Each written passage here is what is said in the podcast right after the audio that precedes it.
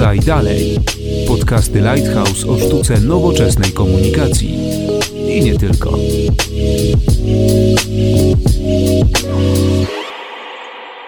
Dzień dobry, Konrad Domański. Zapraszam na 33 odcinek podcastu Lighthouse Podaj Dalej, w którym kontynuujemy temat dezinformacji. Poprzedni odcinek nagrywaliśmy krótko po wybuchu wojny na Ukrainie. To było dosłownie kilkanaście, kilkadziesiąt godzin po wybuchu tej wojny. Teraz jesteśmy kilkadziesiąt dni już po, po wybuchu, więc to, kto by się spodziewał, że to tyle będzie trwało. Ale rozmawialiśmy wtedy w kontekście fake newsów, tego co się dzieje w sieci. Rozmawialiśmy też o statystykach, wzmiankach, bańkach informacyjnych i narracjach, które gdzieś tam się pojawiają, czy to w klasycznych mediach, czy to w mediach społecznościowych. Rozmawialiśmy o tym, jakie to ma przełożenie na biznes. Dzisiaj w pewnym sensie będziemy, tak jak mówię, ten temat kontynuować. No na pewno trochę nowych wątków się pojawiło, ale też no, warto będzie wyjść od tego, czy ta dynamika komentarzy się zmieniła, czy może nadal mamy tak dużo wzmianek, czy według Waszych obserwacji, naszych gości, których za chwilę przedstawię, coś się w ogóle w sieci, w polskim internecie zmieniło. Moimi Waszymi gośćmi są dzisiaj Marcel Kiełtyka ze Stowarzyszenia Dymagog. Dzień dobry. Oraz Jarosław Bańda, Managing Director w Lighthouse. Dzień dobry.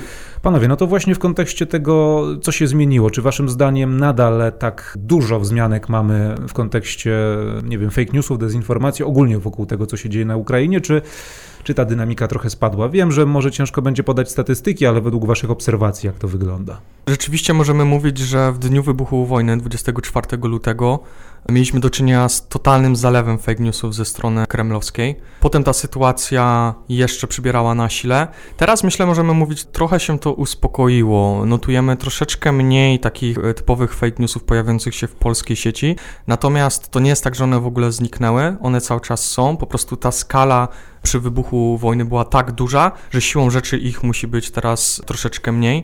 Natomiast te narracje dezinformacyjne, one są charakterystyczne i cały czas się pojawiają, są bardzo dynamiczne, zmieniają się tematy po prostu, w których Rosja czy Kreml, mówiąc ściślej, dezinformuje.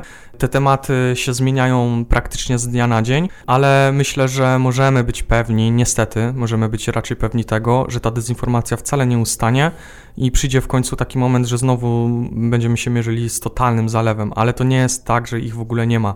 Przez ten ostatni miesiąc w naszej działalności wypuściliśmy już pewnie około 200 analiz różnego rodzaju dotyczących fake newsów stricte związanych z Ukrainą i na tym się cały czas skupiamy. O tej dużej skali zalewie dezinformacji ze strony kremlowskiej może świadczyć to, że my praktycznie 100% naszych siły poświęcamy cały czas pracy w demagogu na analizowanie tylko i wyłącznie dezinformacji płynącej ze wschodniej strony. Nie mamy czasu po prostu zająć się czymś innym. Więc to jest taki dowód na to, że ta dezinformacja nie ustaje i będzie jej coraz więcej. Nie pozostaje nic innego niż chyba zgodzić się z tą obserwacją.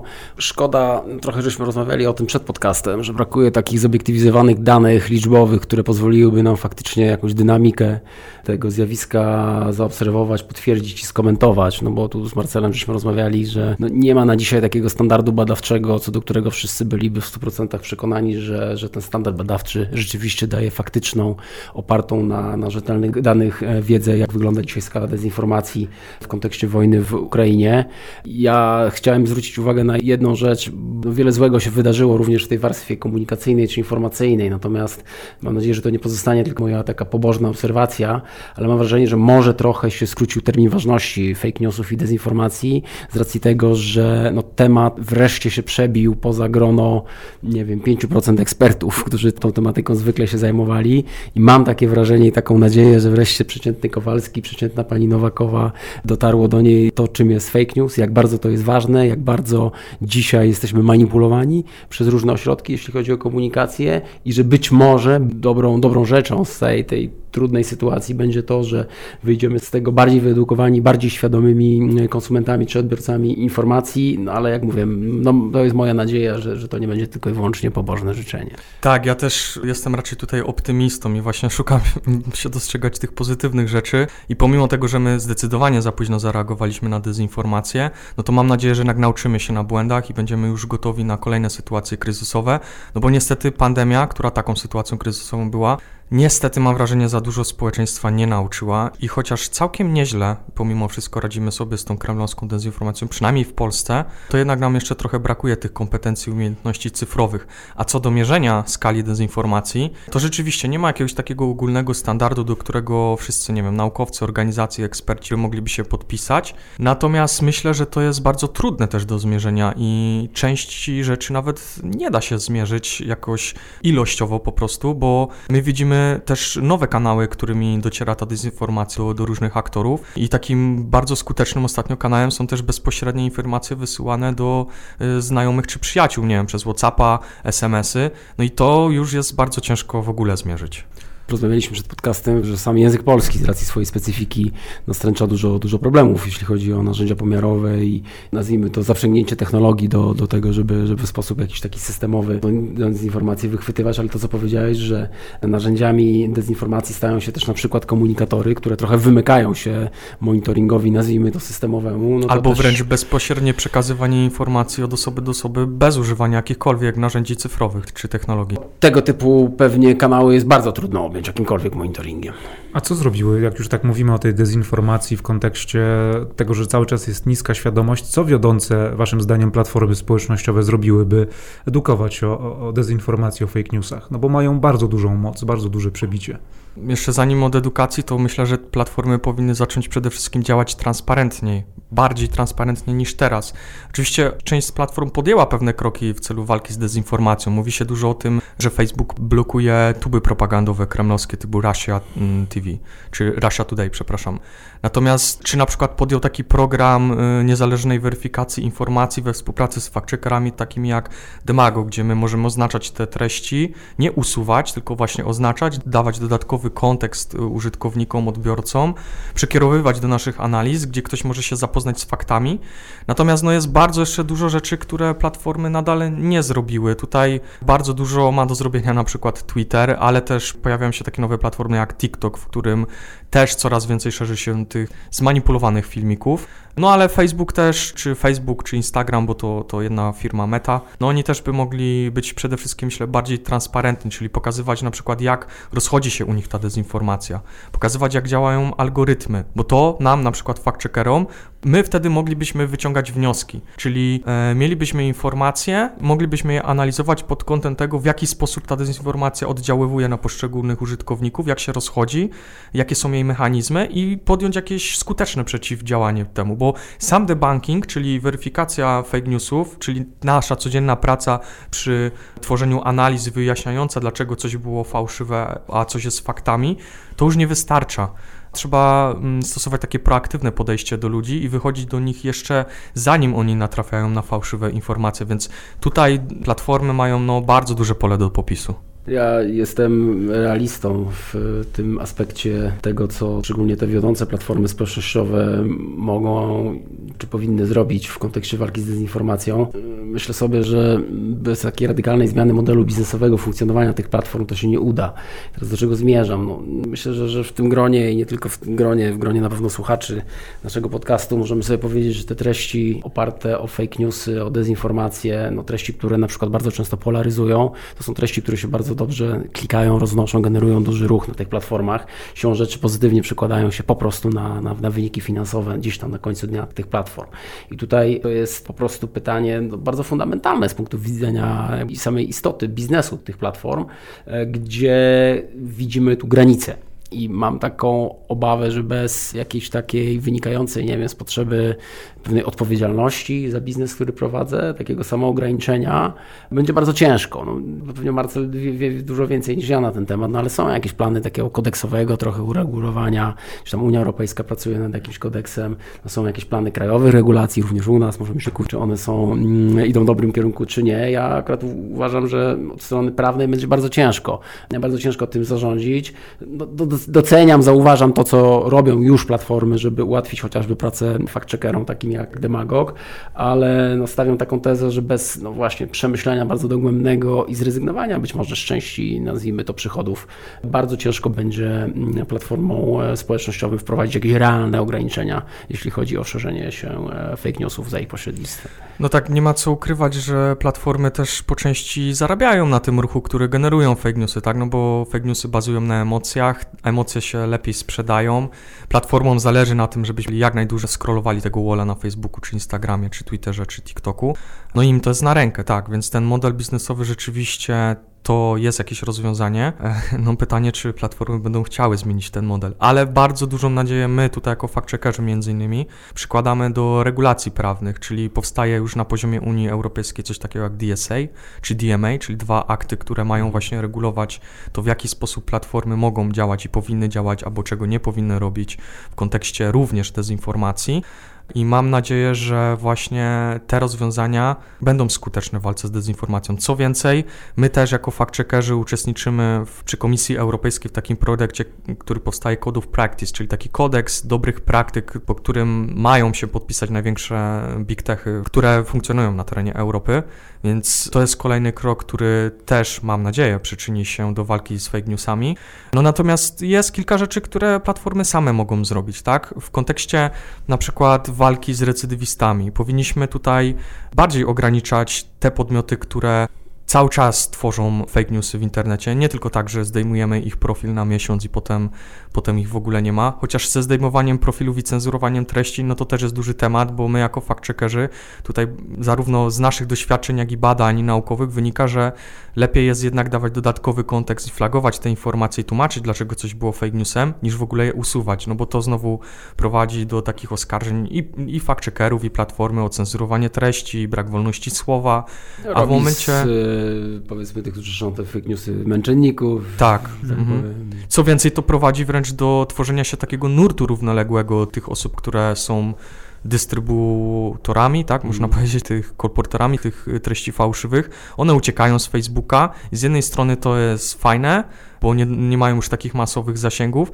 ale z drugiej strony, kiedy tych osób jest już dużo, a teorii spiskowych mam wrażenie jest coraz więcej, chociaż część też jest tworzona po prostu na nowo na tych samych mechanizmach, no to w momencie, kiedy tych ludzi, którzy tworzą te fake newsy jest bardzo dużo, to oni tworzą właśnie ten nurt równoległy. Oni mają już swoich dziennikarzy, mają swoich polityków, mają nawet swoich prawników, no i pytanie powstaje, jak my się potem z nimi dogadamy i czy się w ogóle dogadamy, czy będzie w ogóle jakaś przestrzeń w naszym społeczeństwie do wypracowania takiej merytorycznej dyskusji, debaty. No bo wolność słowa wolnością słowa, ale muszą być jakieś jej granice i jakaś podstawa do prowadzenia dyskusji, która się będzie odwoływać do merytorycznych argumentów musimy uznać, że coś jest faktem, a coś nie jest faktem. No tak, tak. Jest takie powiedzenie, że wszyscy możemy mieć prawo do własnych opinii, ale nie do własnych faktów i do tego chyba się sprowadza, że tak powiem, istota naszej dyskusji. Ja jestem trochę mniejszym niestety entuzjastą i moja wiara w regulacje jest, jest zdecydowanie mniejsza niż e, Marcela, natomiast ja z kolei pokładam jakąś nadzieję w technologiach, w sensie takim, że powstaną technologie może trochę niezależnie, a na pewno niezależnie od platform społecznościowych, które nam, konsumentom informacji ułatwią właśnie oddzielenie tego, co jest e, rzetelną informacją informacją, a co jest dezinformacją czy fake newsem.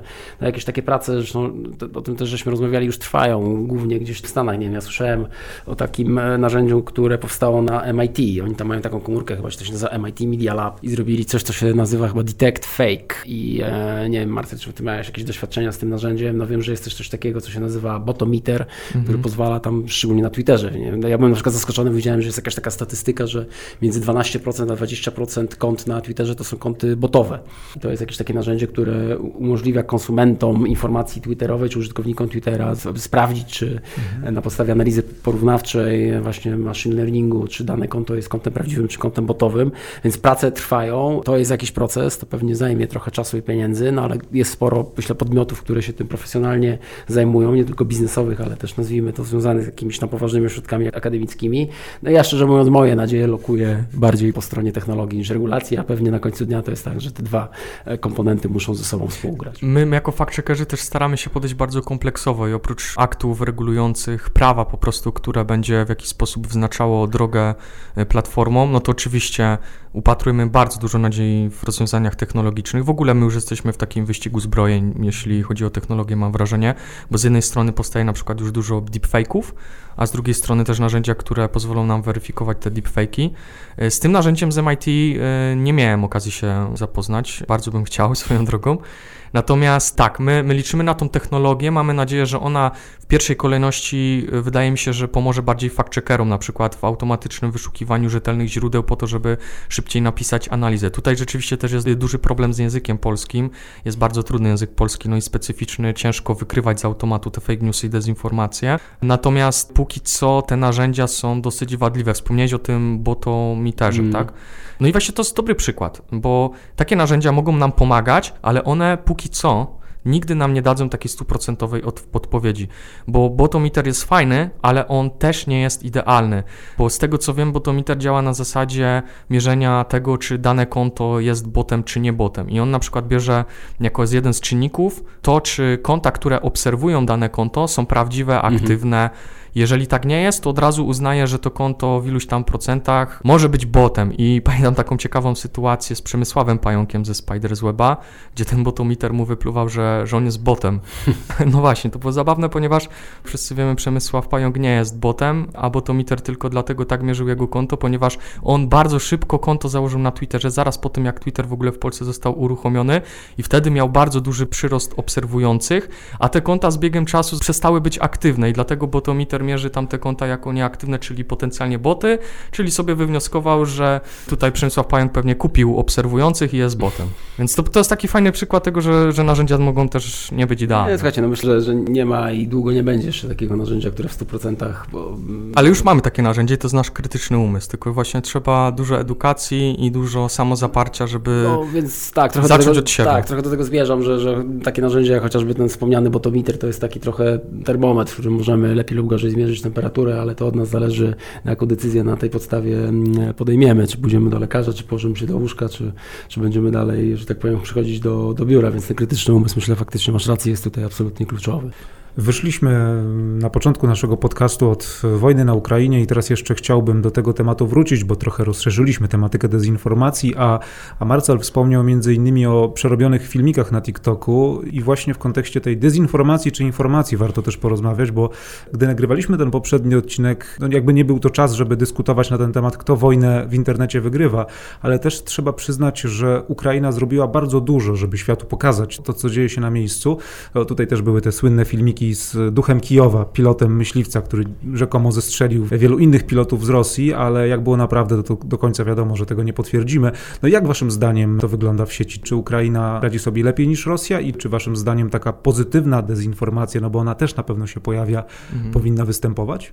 Ja na początku wojny, praktycznie w tym pierwszym tygodniu po wojnie, wszędzie powtarzałem, że Ukraina świetnie sobie radzi, wygrywa wojnę informacyjną. Potem mnie inni eksperci troszeczkę ściągnęli na ziemię, bo rzeczywiście tak jest, że Ukraina wygrywa wojnę informacyjną, jeśli mówimy o Polsce, państwach bałtyckich, ogólnie państwach Zachodu, państwach NATO. Robią tu świetną robotę. Widać, że oni byli przygotowani na to. Widać, że pewnie tutaj jest jakaś ręka pomocna ze strony Ameryki, bo bardzo hollywoodzko wygląda to, jak oni tworzą te filmiki. Na przykład to, jak Zełenski wygląda. Ta jego bluza, taka zielona moro, to, że jest zawsze nieogolony, to, że potrafi wyjść na plac Kijowy, nagrać filmik i obalający fake newsy kremlowskie, które mówiły o tym, że on już dawno uciekł z Kijowa. To jest wszystko świetnie dograne, świetnie dopięte. No, udział chociażby w ceremonii rozdania Grammy, no to, to, to faktycznie, przepraszam za wyrażenie, śmierdzi to na kilometr hollywoodzkim scenariuszem, tak. nie? To jest... Te wystąpienia przy ONZ, wystąpienia w parlamencie w Bundestagu, nie? No to, to naprawdę widać, że tam jest świetnie wszystko dograne. Ten scenariusz był pewnie tworzony jeszcze długi czas przed wojną i to skutkuje, to działa, jeśli chodzi o państwa Zachodu. Natomiast musimy też pamiętać, że Kreml prowadzi różne działania dezinformacyjne skierowane do różnych aktorów i chce osiągnąć różne cele. Na przykład w państwach globalnego południa, czyli Afryce, Afryce Północnej, też Południowej, Ameryce Południowej, tam ta dezinformacja, czy Chinach nawet, bo też Chiny to, to jest też ciekawy wątek, tam ta dezinformacja dotyka całkiem innych ludzi i całkiem innych tematów. I to, co u nas wydaje się całkiem absurdalne, co nigdy byśmy nie uwierzyli. Nie wiem, że Zełenski jest narkomanem, a Ukraińcy to są sami naziści no to w innych krajach to przynosi jakiś skutek, niestety. I Putina ambicją jest też przesiągnięcie na swoją stronę nie tylko państw tutaj, nie wiem, bałtyckich, zachodu czy Węgier, bo teraz się dużo mówi w kontekście Viktora Orbana, który wygrał wybory, ale mm, właśnie uderzanie do Indii, uderzanie do, do innych państw e, na wschodzie na przykład. Czy faktycznie, no, patrząc przez pryzmat tylko i wyłącznie polskiej bańki, no to pewnie byśmy e, mogli tutaj zaryzykować taką tezę, że no po pierwsze Ukraina, jak to się ładnie mówi, ogarnia i że te działania informacyjne są prowadzone naprawdę bardzo sprawnie, z rozmachem i jak na kraj będący w stanie wojny, będący pod agresją no, dużego, dużego sąsiada, no to czapki z głów. E, zgadzam się w 100% z tym, co mówi Marcel, że jak się popatrzy na globalnie, jak ta wojna jest odbierana, to, to, to już wygląda to zupełnie inaczej niż tutaj na naszym lokalnym podwórku. Myślę też, że Kreml ma trochę inną e, strategię dezinformacyjną, to znaczy oni są bardziej selektywni w tych komunikatach. Myślę, że mają bardzo dobrze rozpracowane na przykład środowiska w Europie Zachodniej i kierują dezinformację w sposób bardzo precyzyjny i wiedzą też na jakich nutach, nazwijmy to, grać, żeby te środowiska aktywizować. Nie no, dla mnie chociażby takim papierkiem lakmusowym tego jest wzrost poparcia dla Marie Le Pen, która jeszcze miesiąc temu było bardzo prawdopodobne, że wejdzie do drugiej tury, natomiast nie było absolutnie szans na to, żeby ona Emmanuela Macrona w tej drugiej rundzie pokonała. No dzisiaj otwieram gazety, czytam jakieś tam sondaże, no i widać, że, że to już nie jest takie oczywiste, że Macron wygra. No i ewidentnie to środowisko, bo to nie jest tylko i wyłącznie temat tego, w jaki sposób Francuzi i sama Francja powinna się ustosunkować do wojny w Ukrainie, ale tam się też pojawiają inne wątki. Nie mam bez najmniejszych wątpliwości, że są suflowane w dużej mierze przez Kreml, czyli wraca kryzys migracyjny, polityka w ogóle imigracyjna Francji, nastawienie właśnie do migrantów z terenów Afryki Północnej itd., itd., itd. Więc zmierzam do tego, że Ukraina jest na pewno bardzo sprawna, natomiast Kreml działa troszkę, mam wrażenie, w inny sposób, co nie znaczy, że mniej skutecznie. Tak, jakbym do Francji jeszcze dodał Niemcy, w którym ostatnio bardzo dużo jest takich mm. protestów pro-rosyjskich ludzi, którzy się, no to są Rosjanie pewnie w głównej mierze i też jestem pewien, że Kreml ingeruje w to, żeby organizować te protesty, ale potem takie protesty są wyciągane właśnie w wojnie dezinformacyjnej jako dowód na to, że jednak państwa zachodnie popierają niejako działania Kremla. Wczoraj chyba czytałem o tym, że 40% wyborców Orbana raczej popiera wojnę Putina, tak? Że uważa za słuszne to, że Putin wszedł do Ukrainy, więc te nastroje mogą się za niedługo szybko bardzo zmienić. I tak samo w Polsce. I to w Polsce bardzo widoczne jest też w kontekście takiego polaryzowania nas w tematach na przykład uchodźczych. Mhm. I to też się nie dzieje od dzisiaj. Trzeba pamiętać, że w ogóle ta dezinformacja kremlowska, rosyjska to nie jest nowy temat. To nie jest tak, że Kreml zaczął dezinformować 24 lutego. My już dużo przed wojną widzieliśmy bardzo taki duży dyskurs propagandowy antyukraiński w polskiej sieci.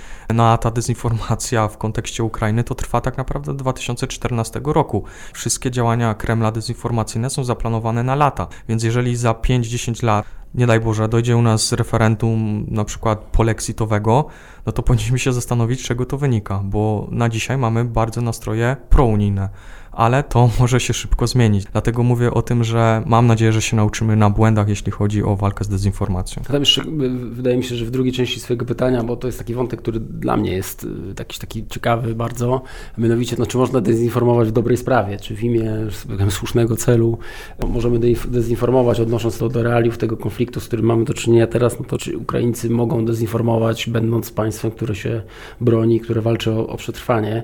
No ja nie, nie, nie mam odpowiedzi na to pytanie, w sensie sensie takim, że wydaje mi się, że to jest bardziej taki dylemat etyczny dla ludzi, którzy etyką zajmują się nie wiem, naukowo, zawodowo.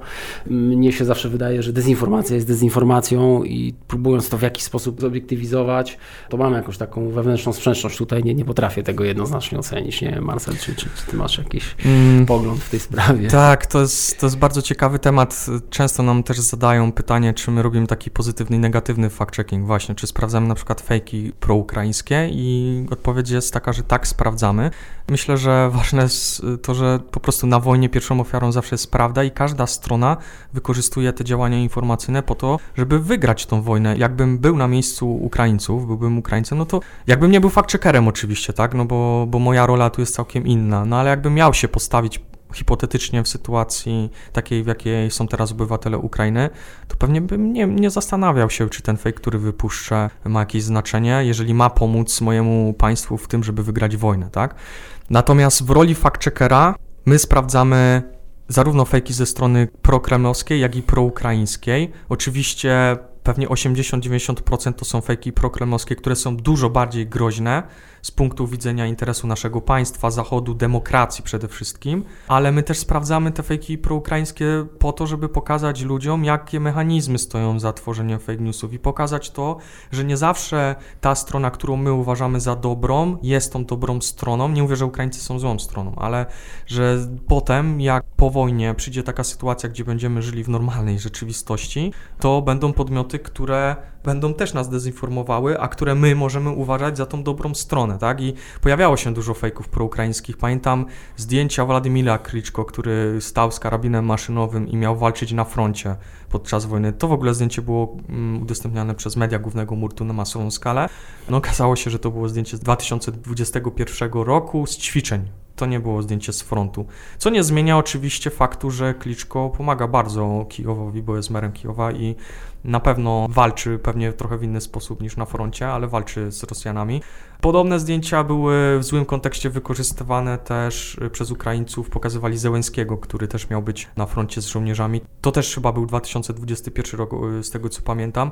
Pamiętam też fejki, które miały przedstawiać rzekome zestrzelenie MiGów 29 rosyjskich, co też się okazało nieprawdą. To był w ogóle 93 rok, Wielka Brytania i pokaz lotniczy, więc totalnie zdjęcia nie, nie z tego okresu. I no i właśnie, musimy pamiętać, że te fejki mają budować morale przede wszystkim żołnierzy, cywilów, w ogóle społeczeństwa obywatelskiego, ale od tego, że napiszemy, że Ukraińcy zestrzelili 10 migów 29, Rosjanom tych migów niestety nie ubędzie, więc to, to, to też jest e, ważne. Miałem takie wrażenie, bo wspomniałeś tutaj, jak będziemy żyć w normalnych czasach, że my już chyba nie będziemy w normalnych czasach żyć, bo najpierw zmagaliśmy się z pandemią. No pandemia jeszcze nie minęła, no wiadomo, że oficjalnie została odwołana w naszym kraju, ale, ale jeszcze jak patrzymy na statystyki, no to cały czas, cały czas musimy się zmagać z problemem tego wirusa. Natomiast wtedy jeszcze było też zbyt krótko od wybuchu, żeby o tym rozmawiać, ale jak z waszej perspektywy teraz, e, waszym zdaniem, oberwał, mówiąc kolokwialnie, biznes na tym, czy ta dezinformacja, czy ta wojna dezinformacyjna w internecie też uderzyła między innymi w polski biznes, nie tylko polski? To myślę, że tak. Możemy powiedzieć, że takim no, największym problemem, z którym teraz mierzą się firmy, szczególnie te, które są oddziałami dużych koncernów międzynarodowych, no to jest kwestia prowadzenia biznesu w Rosji i gdzieś tam komunikacji związanej z tym zagadnieniem, jakieś decyzje podejmowane przez centralę lub niepodejmowane, reakcje, którymi tego typu decyzje spotykają się tu w Polsce. Mówię tu o opiniach e, internautów, pozytywnych, negatywnych. No to wszystko oczywiście zależy od decyzji. Mam takie wrażenie, że sporo jest też dezinformacji w tej sprawie, bo widziałem już chyba ze 20 różnych list grozy, wstydu, chwały i sukcesu. Pewnie połowa z nich jest e, nieprawdziwa, mówiąc wprost. Trochę nawiążę do tego, czym mówiłem na samym początku, że z całej tej smutnej sytuacji widzę też pozytywy, a mianowicie takie, że nawet nasi klienci, e, zresztą tutaj przy udziale demagoga też dostrzegli konieczność wyedukowania swoich pracowników, jeśli chodzi o dezinformację i to jest ruch bardzo wartościowy, bardzo cenny.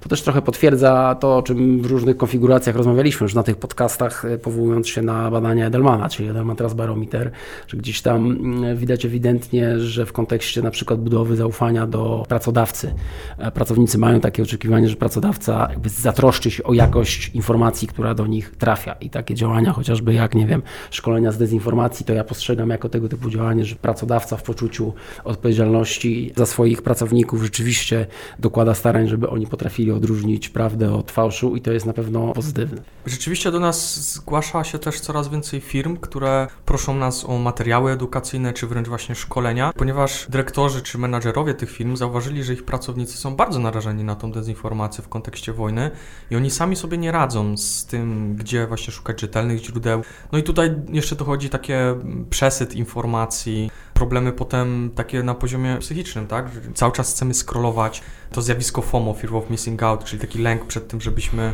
nie pominęli jakiejś ważnej informacji, czy Kijów już został przejęty przez Rosjan, czy nie. Ja pamiętam, sam siedziałem i cały czas scrollowałem i, i sprawdzałem, jak tam się wydarzenia na początku wojny rozwijają, no bo się mówiło dużo bardzo o tym, że w ogóle Rosjanie to w dwa dni mają przejąć całą Ukrainę.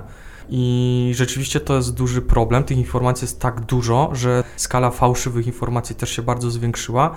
No i nie dziwię się ludziom, że oni już sami nie wiedzą, co jest prawdą, a co nie.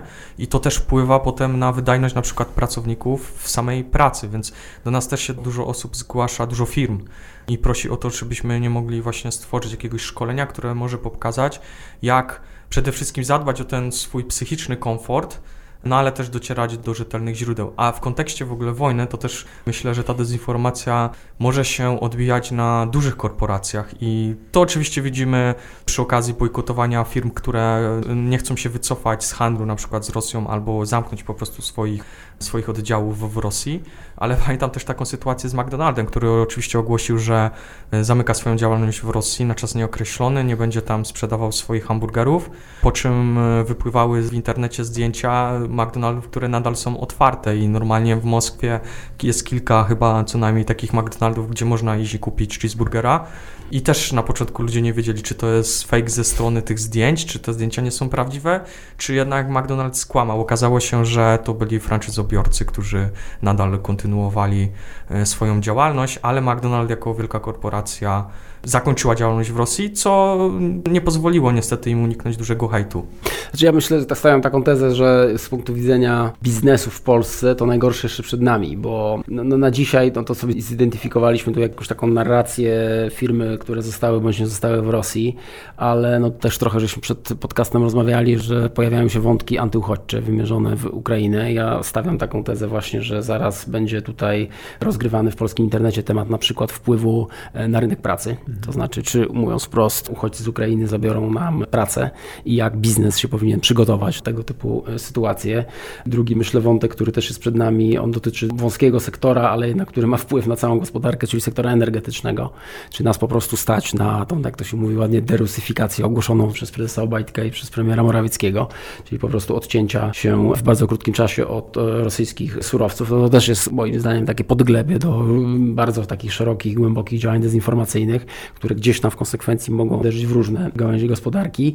No i tu na dziś to wydaje mi się, że szczególnie przed firmami prowadzącymi działalność albo w newralgicznych sektorach, albo na dużą skalę, no to to jest po prostu jeden z kilku scenariuszy kryzysowych, który teraz powinien być gdzieś tam w zaciszach gabinetów opracowywany, po to, że jeżeli tego typu narracje zaczną się szerzej e, przebijać, no żeby być po prostu gotowym do odpowiedniego reagowania. To mówimy tutaj o biznesie, a jak e, z dezinformacją może radzić sobie zwykły Kowalski? Waszym zdaniem, no wiem, że Demagog przygotowywał takie nawet poradniki, jak, jak weryfikować treści, ale czy tak na chłopski rozum, czy jesteśmy sobie w stanie z dezinformacją poradzić? No tak, my mówiliśmy na początku tutaj o rozwiązaniach systemowych, ale warto wspomnieć o tym, że każdy z nas powinien zacząć od siebie. I może to zabrzmi trochę patetycznie czy górnolotnie, ale pamiętajmy, że każdy nasz like przy fake newsie, każde udostępnienie, każdy komentarz, wysłanie tej wiadomości dalej znajomym, to jest jak taki dodatkowy nabój w magazynku rosyjskiego żołnierza, więc przede wszystkim z rozwagą komentujmy i reagujmy na te treści w mediach społecznościowych, czyli przyglądajmy się swoim emocjom, bo to jest bardzo istotne, ponieważ posty, które zawierają informacje potencjalnie fałszywe, bardzo często bazują na skrajnych emocjach i często są to właśnie emocje negatywne, więc jeżeli coś wzbudza nas dużo gniewu, to zanim podamy to dalej, odejdźmy od komputera i podejdźmy do niego z powrotem już z taką czystą, chłodną głową i wtedy się zastanówmy, czy chcemy podać tą informację dalej. E, ja bym też zwrócił uwagę na to, żeby przypatrywać się kontekstowi, w jakim pojawiają się zdjęcia i filmiki, bo zauważyliśmy, że bardzo duża część dezinformacji w kontekście wojny odbywa się na poziomie właśnie grafik. Czyli jest wrzucone jakieś zdjęcie, z podpisem, a potem się okazuje, że to zdjęcie w ogóle nie mhm. odpowiada temu podpisowi. Tak jak z tym samolotem, który miał być zestrzelony na, w Ukrainie w 2022 roku, okazał się samolotem z pokazu lotniczego z Wielkiej Brytanii z 1993 roku, więc zwracajmy uwagę na właśnie te zdjęcia wyrwane z kontekstu. To, co istotne, to jest też, jakim językiem są pisane te informacje. Jeżeli widzimy jakieś błędy ortograficzne czy stylistyczne, też powinniśmy się zastanowić, czy to jest prawdziwa informacja. Duża część narracji dezinformujących kremlowskich jest podbijana przez boty i automatyczne narzędzia, a nawet często te boty same generują takie informacje, a język polski ma to do siebie, że jest dosyć ciężkim językiem. Jeżeli jest tłumaczony przez automatyczne narzędzia, to często występują tam jakieś błędy. Więc to jest taki czynnik, który też może świadczyć o tym, chociaż nie zawsze, ale może świadczyć o tym, że to jest jakaś forma dezinformacji. No i ufajmy też tylko wiarygodnym źródłom. Nie każda Kasia z, nie wiem, z Knurowa, z Rzeszowa czy czy po prostu anonim w internecie, to jest dobre źródło informacji. Jeżeli jakąś informację czytamy od anonimowego źródła, no to poszukajmy, czy już pisały o tym jakieś większe media. Wejdźmy na ten profil, zobaczmy, czy ma jakiś znajomy, jakie ma zdjęcia. Możemy nawet wrzucić sobie te zdjęcia do wyszukiwarki Google'a i zobaczyć, co nam pokaże wyszukiwarka. Zobaczmy, w jakich wątkach y, się udzielała ta osoba, jakie komentarze zostawiała. No i raczej mimo wszystko sugerowałbym korzystać z takich mediów głównego nurtu, pomimo tego, że one też nie są w Polsce idealne i zdarza im się podawać fake newsy, to w kontekście wojny raczej informują rzetelnie. A jak już totalnie nie wiemy, no to możemy się też zgłosić do fact-checkerów, poprosić ich o sprawdzenie. Demagog ma nawet taką specjalny formularz, zakładkę na stronie internetowej. Dostaniecie powiadomienie, jeżeli sprawdzimy tą informację wraz z linkiem.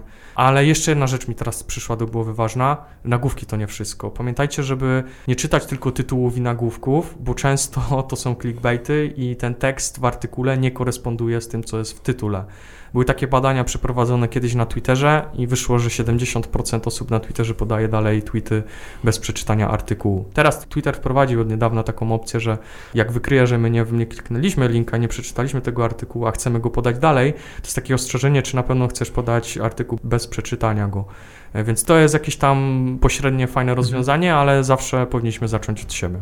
Myślę, dosyć wyczerpująco Marcel ten katalog przedstawił. Natomiast ja tutaj się zgadzam chyba z tym, że musimy sobie uzmysłowić jako odbiorcy informacji, że trochę się warunki gry zmieniły, bo my przez, nazwijmy to rynek szeroko rozumiany, medialny, mam tu na myśli te media, nazwijmy to tradycyjne, ale też platformy społecznościowe, zostaliśmy przyzwyczajeni, czy wręcz wychowani w jakimś określonym modelu konsumpcji informacji. Mamy szybko, łatwo, przyjemnie, emocjonalnie, też y, biorąc pod uwagę to, jak wielką ilość danych różne platformy gromadzą na nasz temat, to jesteśmy bardzo tam podatni na manipulacje, w sensie takim, że no, chociażby platformy społecznościowe bardzo dobrze wiedzą, które informacje powodują jakiego rodzaju reakcje, które przykładają się na długość konsumpcji mediów, na podawanie dalej, zwiększony ruch itd., tak itd. Tak Musimy być tego świadomi, że to jest biznes jak każdy inny. No i niestety nie da się moim zdaniem jakoś uodpornić na informacje bez poświęcenia trochę więcej czasu mhm. na taką świadomą konsumpcję tej informacji, niż to się dzieje jakby do tej pory. I musimy sobie uświadomić, że żyjemy w czasach nadzwyczajnych, gdzie jakość informacji jest krytycznym elementem, bo wszystko to, co powiedział Marcel, po prostu wymaga od nas czasu, wymaga tak. od nas po prostu większej mhm. staranności, no i bez tego się nie da. No, czyli tak jak, nie wiem, no, scrollujemy tego Instagrama, czy scrollujemy tego Twittera i tak tu klikniemy, tam klikniemy, coś podamy dalej, no to dzisiaj ta odpowiedzialność nas jako użytkowników jest zdecydowanie większa, no bo ja się zgadzam z tym, że każdy like, każde podanie dalej nieprawdziwej informacji, no przyczynia się do tego, że ona się rozchodzi w większym zasięgu, że ona się rozchodzi szybciej, więc jak sobie mówimy tą naszą osobistą odpowiedzialność, że każdy z nas ma znaczenie, każdy z nas jest no niestety trybem w tej dezinformacyjnej machinie, może kręcić się w jedną albo w drugą stronę, to znaczy albo ją nakręcać, albo odkręcać, no to, to jest początek tego wszystkiego. Nie? Natomiast wiem skądinąd, że demagog ro, robi dużo dobrych rzeczy od znacznie dłużej niż trwa wojna, natomiast ta wojna chyba była takim faktycznie impulsem, że trochę przejrzeliśmy wszyscy na oczy i trochę bardziej zaczęliśmy się tym interesować, więc e, pewnie tych materiałów poradnikowych, narzędzi jest dużo i będzie ich coraz więcej, obyśmy chcieli po prostu z nich korzystać. Tak, rzeczywiście jest tak, że ta dezinformacja bardzo żeruje na naszym lenistwie czy braku czasu po prostu. Czasami nam się nie chce czegoś sprawdzić, bo jesteśmy zmęczeni po pracy. Totalnie mamy do tego prawo, tak? No bo e, nie każdy musi być fact-checkerem na co dzień. Dlatego bardzo dużo już robimy, jeżeli nie podamy tej informacji dalej. Jeżeli mm. nie jesteśmy pewni, to naprawdę wstrzymajmy się. Nie musimy być pierwsi, żeby podawać jakiegoś newsa. Nie jesteśmy dziennikarzami, znajomi nam to wybaczą. Naprawdę to długofalowo to może przynieść taki realny skutek i efekt. A ja tylko na koniec mogę odesłać też na naszą stronę. Zrobiliśmy naprawdę fajne infografiki. Mamy taki artykuł 12 zasad demagoga, w którym dokładnie wypisujemy, jeżeli ktoś ma czas i się komuś chce, to zachęcam. Myślę, że te porady naprawdę pomogą Wam uniknąć nabrania się na fake newsy. Też gorąco do tego zachęcamy. Mam takie przeczucie, że przed Wami sporo pracy jeszcze w kontekście wojny na Ukrainie i ogólnie dezinformacji, bo ta nie będzie zwalniać i też myślę, że w podcaście Podaj Dalej też będziemy jeszcze do tematu dezinformacji wracać. Dzisiaj przypominam moimi i Waszymi gośćmi Marcel Kiełtyka ze Stowarzyszenia Demagog. Dziękuję bardzo. Oraz Jarosław Bańda z Lighthouse. Dziękuję. Konrad Domański, do usłyszenia w kolejnym odcinku podcastu Podaj Dalej. Spodobał Ci się nasz podcast? Podaj dalej i śledź naszą stronę oraz kanały społecznościowe.